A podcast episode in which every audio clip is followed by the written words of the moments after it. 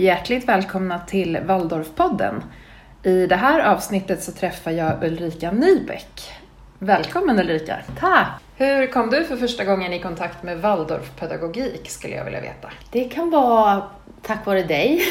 kan det vara. Kan vara, precis, ja, jag försöker ja. minnas tillbaka när det kan... Jo, det är nog tack vare dig, ja. Att du har förklarat hur, ja, hur det fungerar och hur man teknik och hur långa lektionerna är och vad barn och föräldrar tycker och så har jag eh, tyckt att det verkar spännande.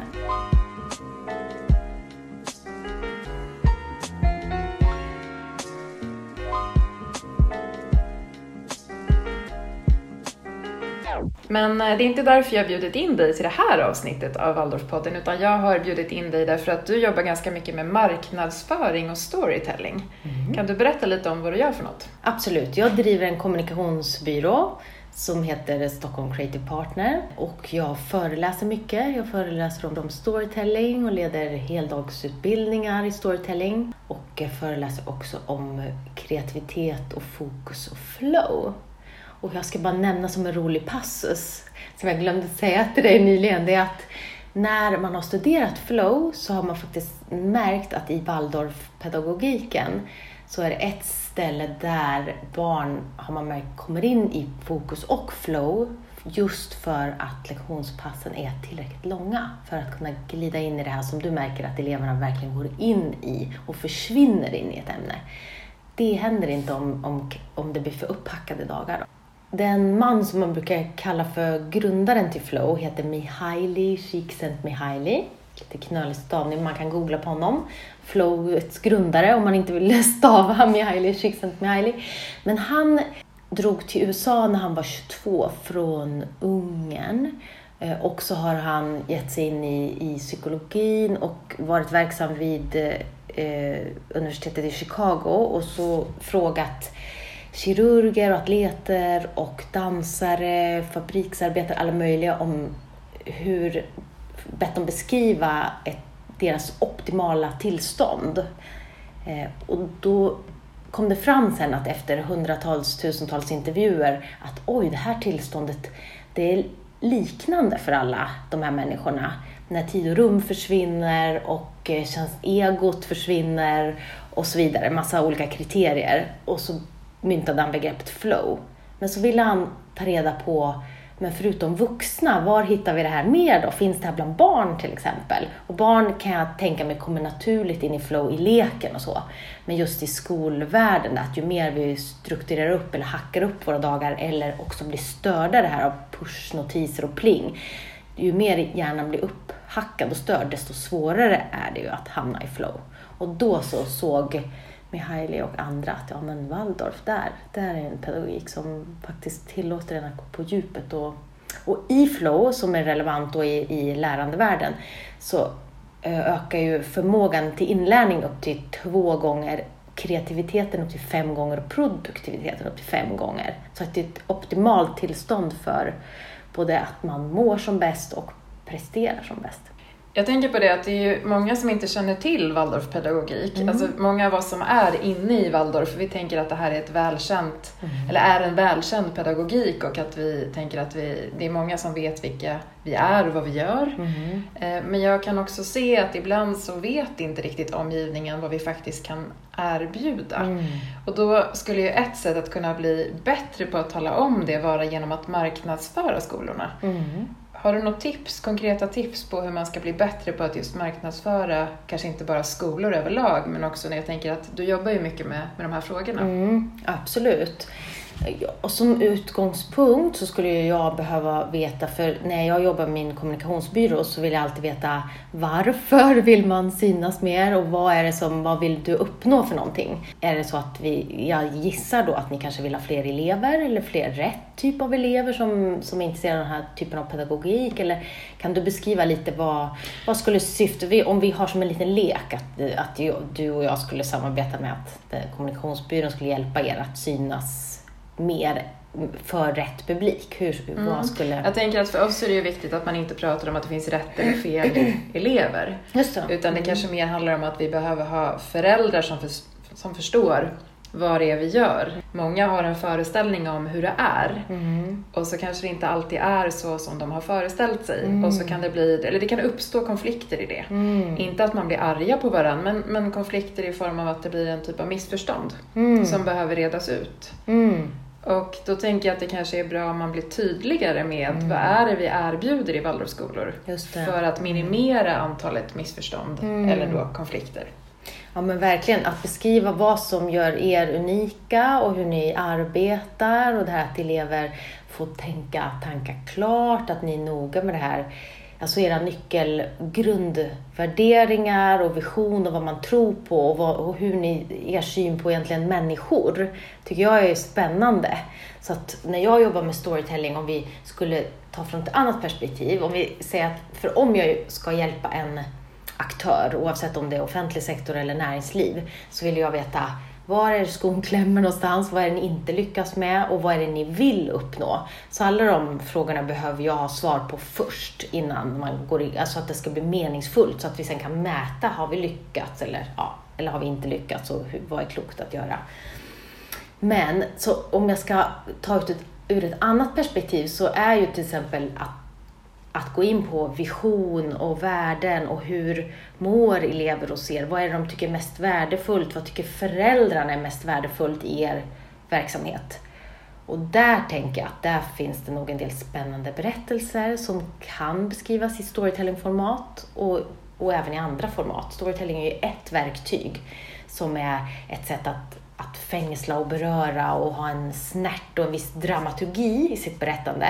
Så för mig är ju storytelling en, en del i en kommunikationspalett men aldrig en hel kommunikationspalett. Ibland vill man köra liksom korta, raka nyheter, kom på den här fikan och ibland så vill man att det ska vara storytelling.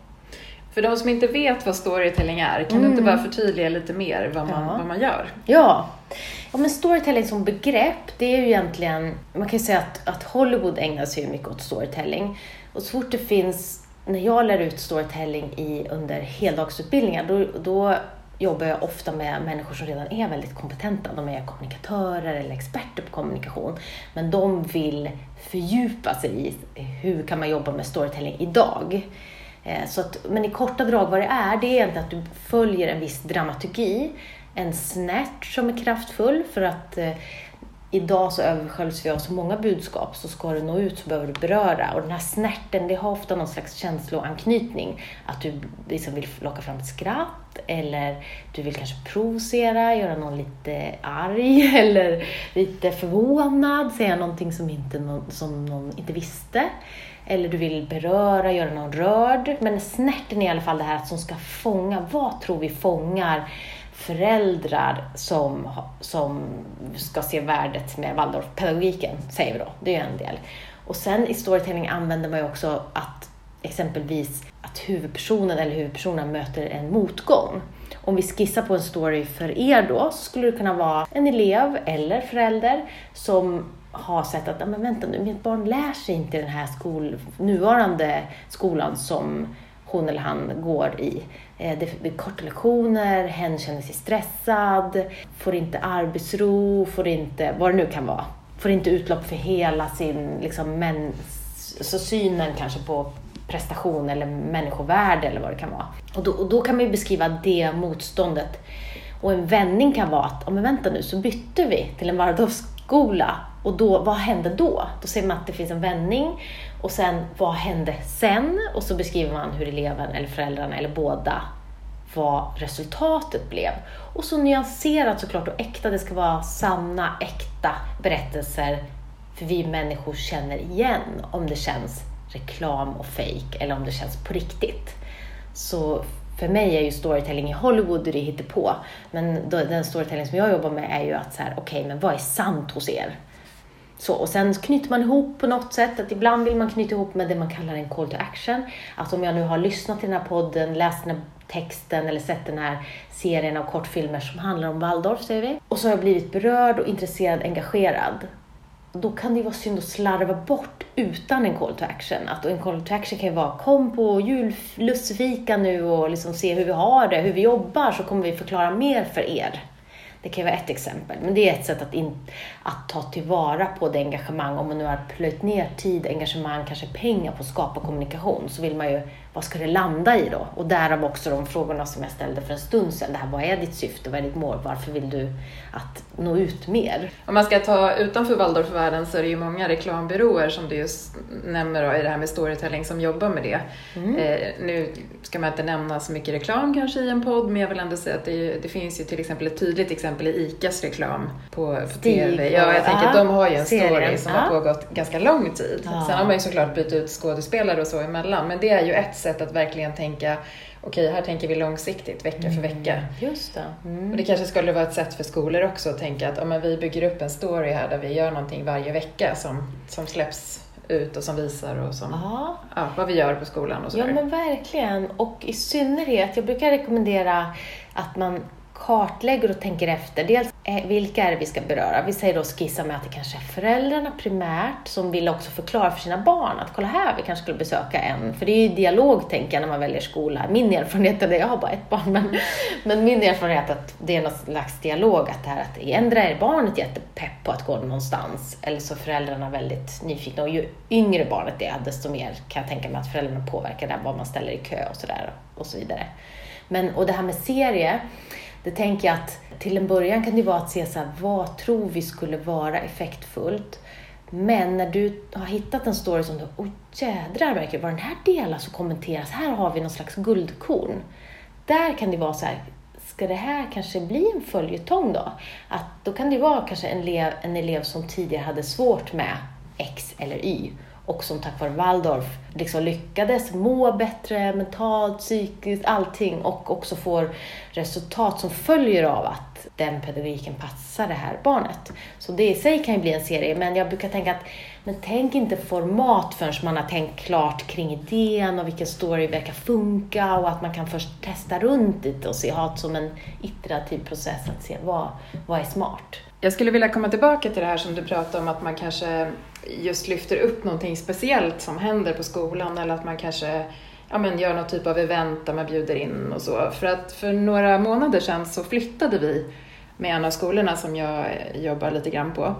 Och då spelade jag in en film och la ut på sociala medier när det var som allra stökigast på skolan. Samma dag som vi hade liksom flyttat in så tog jag en film när, när vi liksom stod och packade upp ur lådor mm. och det var så här skitigt och äckligt. Och, ja, det var verkligen inte något så här stylat överhuvudtaget. Eh, och då kände jag efter att jag hade gjort den lilla filmsnutten, för den var inte så lång, men jag gick varvet runt skolan och berättade lite om hur det såg ut och sådär.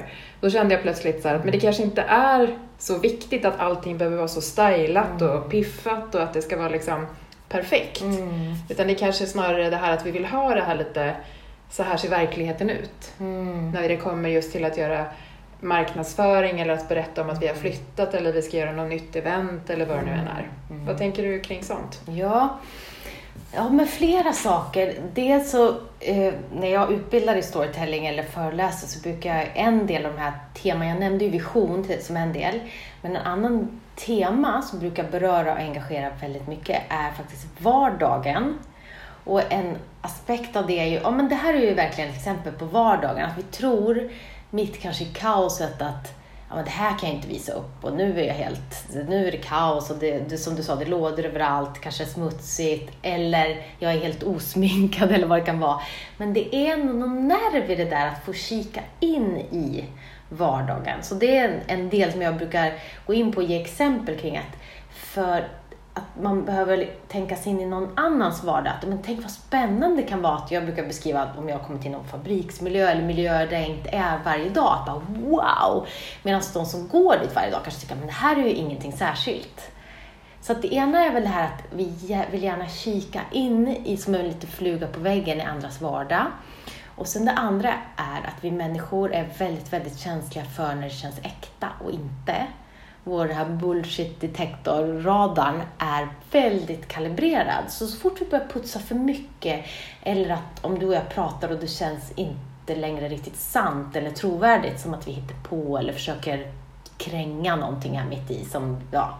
Så då kan människor gärna känna att nej, så där ska man också vara. Så det är några aspekter i det där med vardagen som gör att det är, blir extra intressant. Du har ju varit faktiskt på Waldorfskolefederationen och eh, varit med och just hållit ett föredrag för oss som är på Waldorf gymnasiefederationen. Just det. Eh, och då pratade vi just ganska mycket om det här med att marknadsföra sina skolor och hur man ska lyckas med det. Mm. Hur skulle man kunna liksom göra det hela så att det inte känns just så här att nu ska vi tjäna en massa pengar på att vi marknadsför oss? Mm. Men jag kan tänka mig, som inom Waldorf och andra verksamheter, att så fort man känner att vi, då brukar jag backa tillbaks till det här med ens eget varför, visionen och varför och varför driver vi eller ni den här verksamheten överhuvudtaget och varför tycker ni att det är viktigt att elever får chans och möjlighet att gå hos er? Och vad är det, vad är det hur utvecklar... jag vet ju hur du har berättat för mig om hur elever har möjlighet att utvecklas och lära sig och, och sådär, och er syn på människor. Och då tänker jag, så istället för att tänka på så att ah, men det är fult att sälja, det är fult med marknadsföring, det, är fult. Det, kan, det finns ju människor som har den synen. Men att tänka på så att men om vi inte når ut och berättar vad vi gör, då innebär det att barn och unga kommer hamna i andra skolor som ni kanske inte tycker funkar är lika optimala där barn och, och människan inte kanske ses hela människan eller vad det nu kan vara som gör att ni är unika. Så jag brukar säga så här när det gäller Ja, men det kan vara medlemsorganisation, det kan vara Röda Korset eller det kan vara icke, massor med icke vinstdrivande verksamheter som känner så här, om inte vi når ut med det här så är det katastrof. Men man, målet kanske inte är att, sälj, eller att tjäna eller gå plus eller tjäna så mycket pengar som möjligt. Utan ert mål är kopplat kanske snarare till att få att så många människor och unga och barn ska få möjlighet att utvecklas på, på det sätt som passar dem bäst. Och kanske ger fler möjligheten att veta att vi finns som ett alternativ. Ja, och vad, vad är skillnaden mm. liksom mellan... För jag kan tänka det som är svårt för föräldrar och barn och unga är så här ja, vad ska jag välja för skola? Vad, vad är egentligen Waldorf? Vad är Reggio Emilia? Vad är Engelska skolan? Vad passar mig? Så att ju mer tydlig och sann man kan vara i sin kommunikation, för det gäller för jag tycker att det blir som bäst om man får till en bra matchning oavsett. Så att om ni får föräldrar och elever som bara wow, det här kommer verkligen passa oss och som har en förståelse, desto färre avhopp och krångel blir det, tänker jag. Mm, och då är vi tillbaka i det som vi inledde med att prata om, att det blir ju lätt missförstånd om man inte är tydlig med sitt budskap. Mm. Att det kanske hamnar i att, att man har just, som du var inne på, marknadsfört någonting indirekt, alltså mm. omedvetet, mm. som man inte kanske menade eller som man tänkte att men, jag förklarar det så här, men det kanske tolkas på ett annat sätt. Men för mig är det viktigt att verkligen synliggöra det som du nämnde alldeles nyss. Att alla har ju någonting som passar dem mer eller mindre bra. Mm. Och det är inget som säger att Waldorf är det ultimata för alla människor. Mm. Men jag tror att om vi skulle vara bättre på att tala om vad vi gör mm. så kanske det skulle vara så att flera får upp ögonen för Waldorfskolor och förstår mm. att, men vänta lite nu, här finns ju något som jag kanske skulle kunna testa på. Ja. Eller föräldrar tänker kanske så att här finns något som mitt barn kan testa på. Ja. Och det, det tänker jag också är positivt om fler känner till och har en bild som stämmer mer överens om kanske med verkligheten. Ju fler som har det, både vuxna och barn, så blir det ju också det här word of mouth, att man berättar vidare att ja, men det här Waldorf skulle nog det kanske skulle passa era barn eller inte för att. Och så har man, men då har man kanske baserat det man berättar på någonting som förhoppningsvis stämmer mer överens med verkligheten. När du var hos oss på Waldorf gymnasiefederationen så, mm. så höll du ju en ganska bra föreläsning om just de här bitarna och vi, vi skrev ju som tokar allihopa ja. och tänkte att nu ska vi liksom hitta vår story, vad, mm. vad vi vill och sådär. Men det visade sig, det var inte så lätt. Um, vilket ju såklart kan bero på att vi var flera skolor som var på plats. Ja. Tror du att det är lättare att man jobbar lokalt på sin egen skola med en sån här fråga eller tycker du att man ska samarbeta skolor emellan? Åh, oh, vilken bra fråga.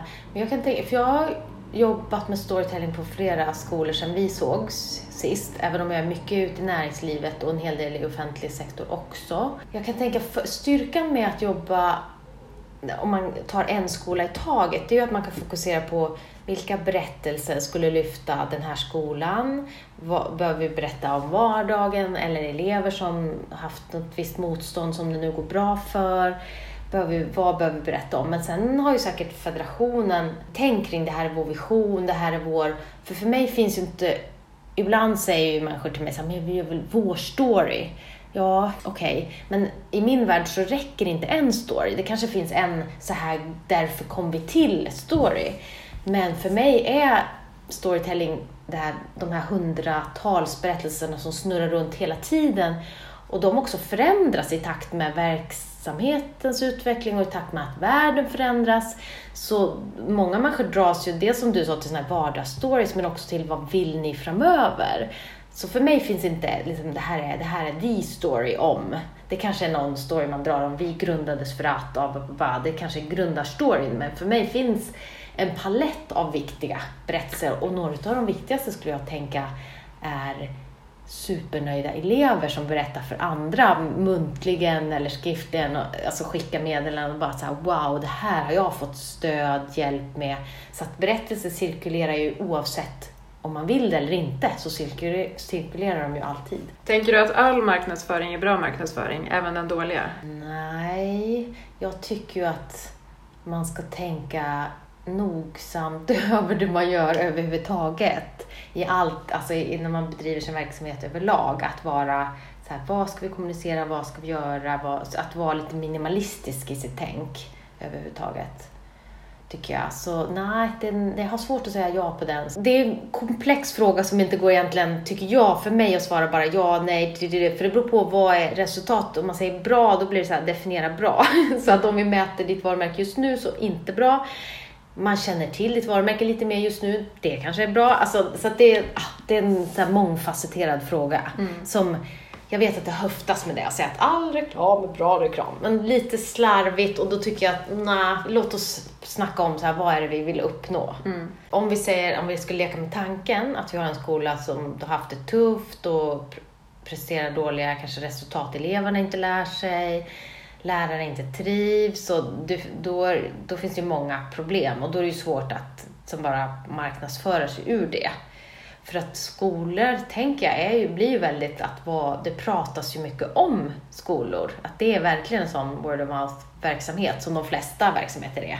Så att det, ja, den är ju klurig, att där behöver man ju verkligen jobba med att få verksamheten att, att snacket blir så här, nu är det på väg, nu börjar det bli bättre, nu, nu har de som bytt ledare eller rektor eller vad det är, nu har det vänt. Alltså det snacket. Så det är ju en lång process där, att om man ska ta sig ur en, en rejäl svacka.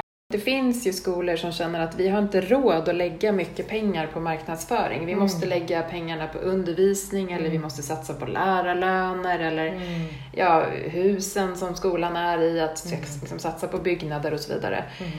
Finns det något sätt som man kan marknadsföra sig på ett inte sparsamt sätt, men att man ändå kan använda de få resurser som man kanske besitter för att nå ut.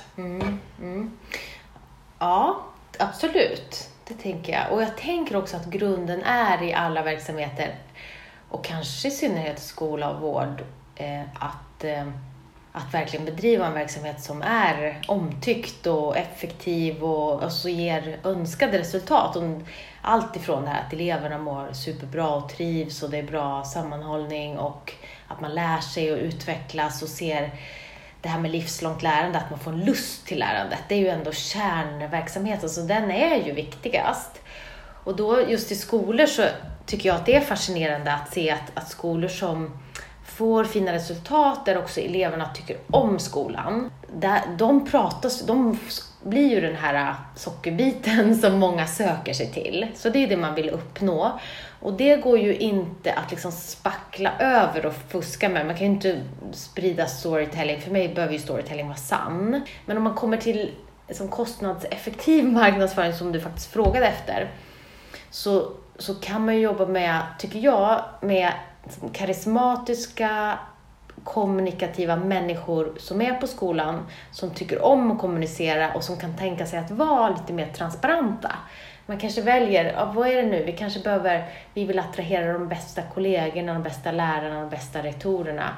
Och då kanske man väljer en kanal för det och berättar, om det så är ens egen webbplats eller om man så gör det på LinkedIn eller vad man nu väljer för kanal, men försöka hitta, var finns de här talangerna då? Hur når vi dem? Ska vi vara ute och prata med blivande lärare eller vill vi åt mer rutinerade lärare och hur, var når vi dem i så fall? Så det är igen att man har backat till det här, vad är syftet, vilka det vill, vi vill, vill vi nå? Men så att det går ju att göra en del, det du beskrev där att när du tog din mobil och filmade lite, oh, häng med här nu och ska bara visa runt. Att det, det är ett exempel på, ett exempel på berättande som inte är särskilt dyrt, som mer är att som faller vissa människor naturligt och som man också kan träna sig till att tycka är kul, att, att dela med sig av sin vardag. Nu vet inte jag kring, nu får du förklara för mig reglerna och så här, men om elever får, och behöver de få, alltså tänker om elever ska berätta om resultat som de har upplevt på skolan, hur funkar det? med Behöver de föräldrars godkännande ja, för att sprida det? Ja, det är viktigt. Alltså, I och med GDPR som mm. trädde i kraft tidigare då. Mm. Men just det att man måste tänka på att man får inte visa vilka elever som helst i bild och man får inte göra filmer om vem som helst. Mm. Allting måste bygga på att om du är under 18 till mm. exempel ska du ha både vårdnadshavarens men såklart också ditt eget godkännande. Ja. Och eh, skriftligen, eller hur? Ja, så, och att du får säga ja eller nej om du vill medverka. Men mm. jag har inte upplevt att det är så många elever som säger nej till mm. att göra just en sån mm. sak. De tycker tvärtom att det är ganska roligt mm. att vara med. Ja, Mm. Sen finns det ju såklart en och annan som inte vill. Mm. Men det kan ju vara alla möjliga orsaker till det. Mm. Så det är ju... Verkligen. Och då är det viktigt att respektera, vill jag ju också bara ja, lägga till. Självklart, självklart. Absolut. Nej, men för jag tänker att när det kommer liksom från källan, om man har kommunikativa människor, säg att det är lärare som berättar om vi söker den här kollegan och du behöver vara, liksom, vi, det här är egenskaperna vi söker och för att passa i gänget så tror vi på, du behöver precis som oss, tro på vad det nu är, den här typen av. Det kan vara en, en vinst när det, och stor fördel när det kommer från, eller elever som själva berättar det här har jag varit med om, det här, så här har min inställning till lärande förändrats, eller inställning till ett ämne som jag tyckte var jättetråkigt och svårt innan. Så jag har fått hjälp att se att men du kan faktiskt att lärande är inte bara att sitta och läsa en bok, man kan liksom röra sig, man kan vara ute, man kan lära sig med så många sinnen och ju fler sinnen du berör desto lättare lär du och massa sådana saker som kan vara spännande att eh, visa. Tänker jag. Hur, hur funkar pedagogiken? Hur ser du? Hur gör ni? Och då kommer jag konkret att tänka på att det kanske vore smart att göra en liten sån hejdå-film med de elever som vill ställa upp, som går ut nian eller som går ut i historia på gymnasiet varje år, där de kan berätta om att det här tar jag med mig ifrån den här skolan. Ja men det låter ju verkligen som att där har du något potentiellt mm. guldkorn. Ja, verkligen. för det är ju en typ av storytelling mm, som man verkligen ja. skulle kunna liksom göra just att man lyfter ja, men det här med lust till lärande, har det stärkts? Alltså kring, man ställer en del, eller eleverna berättar, vad, vad har du tyckt om att gå de här nio åren eller vad det är? Mm.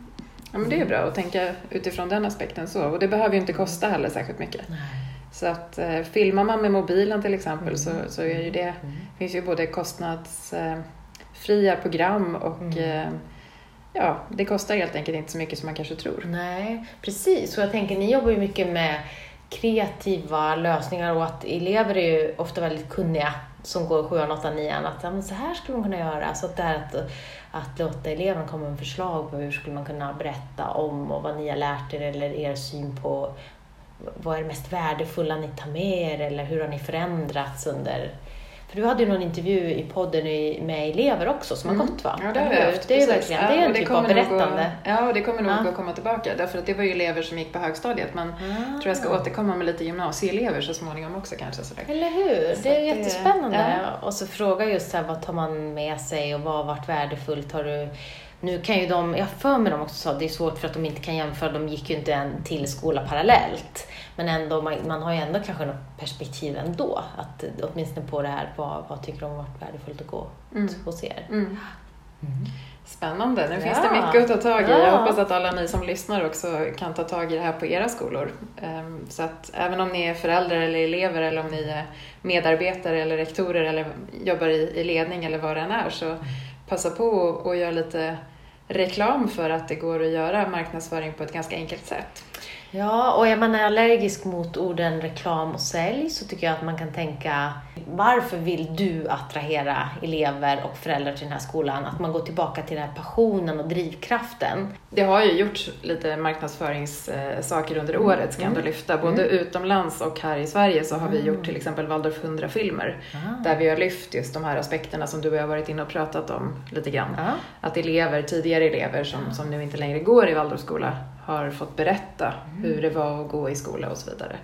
Så att eh, de filmerna finns. Man kan söka på Waldorf 100 och på Waldorf 100 i Sverige så kommer man att hitta dem på Youtube till exempel. Kul! Mm. ska jag kolla in. Ja, du får göra precis.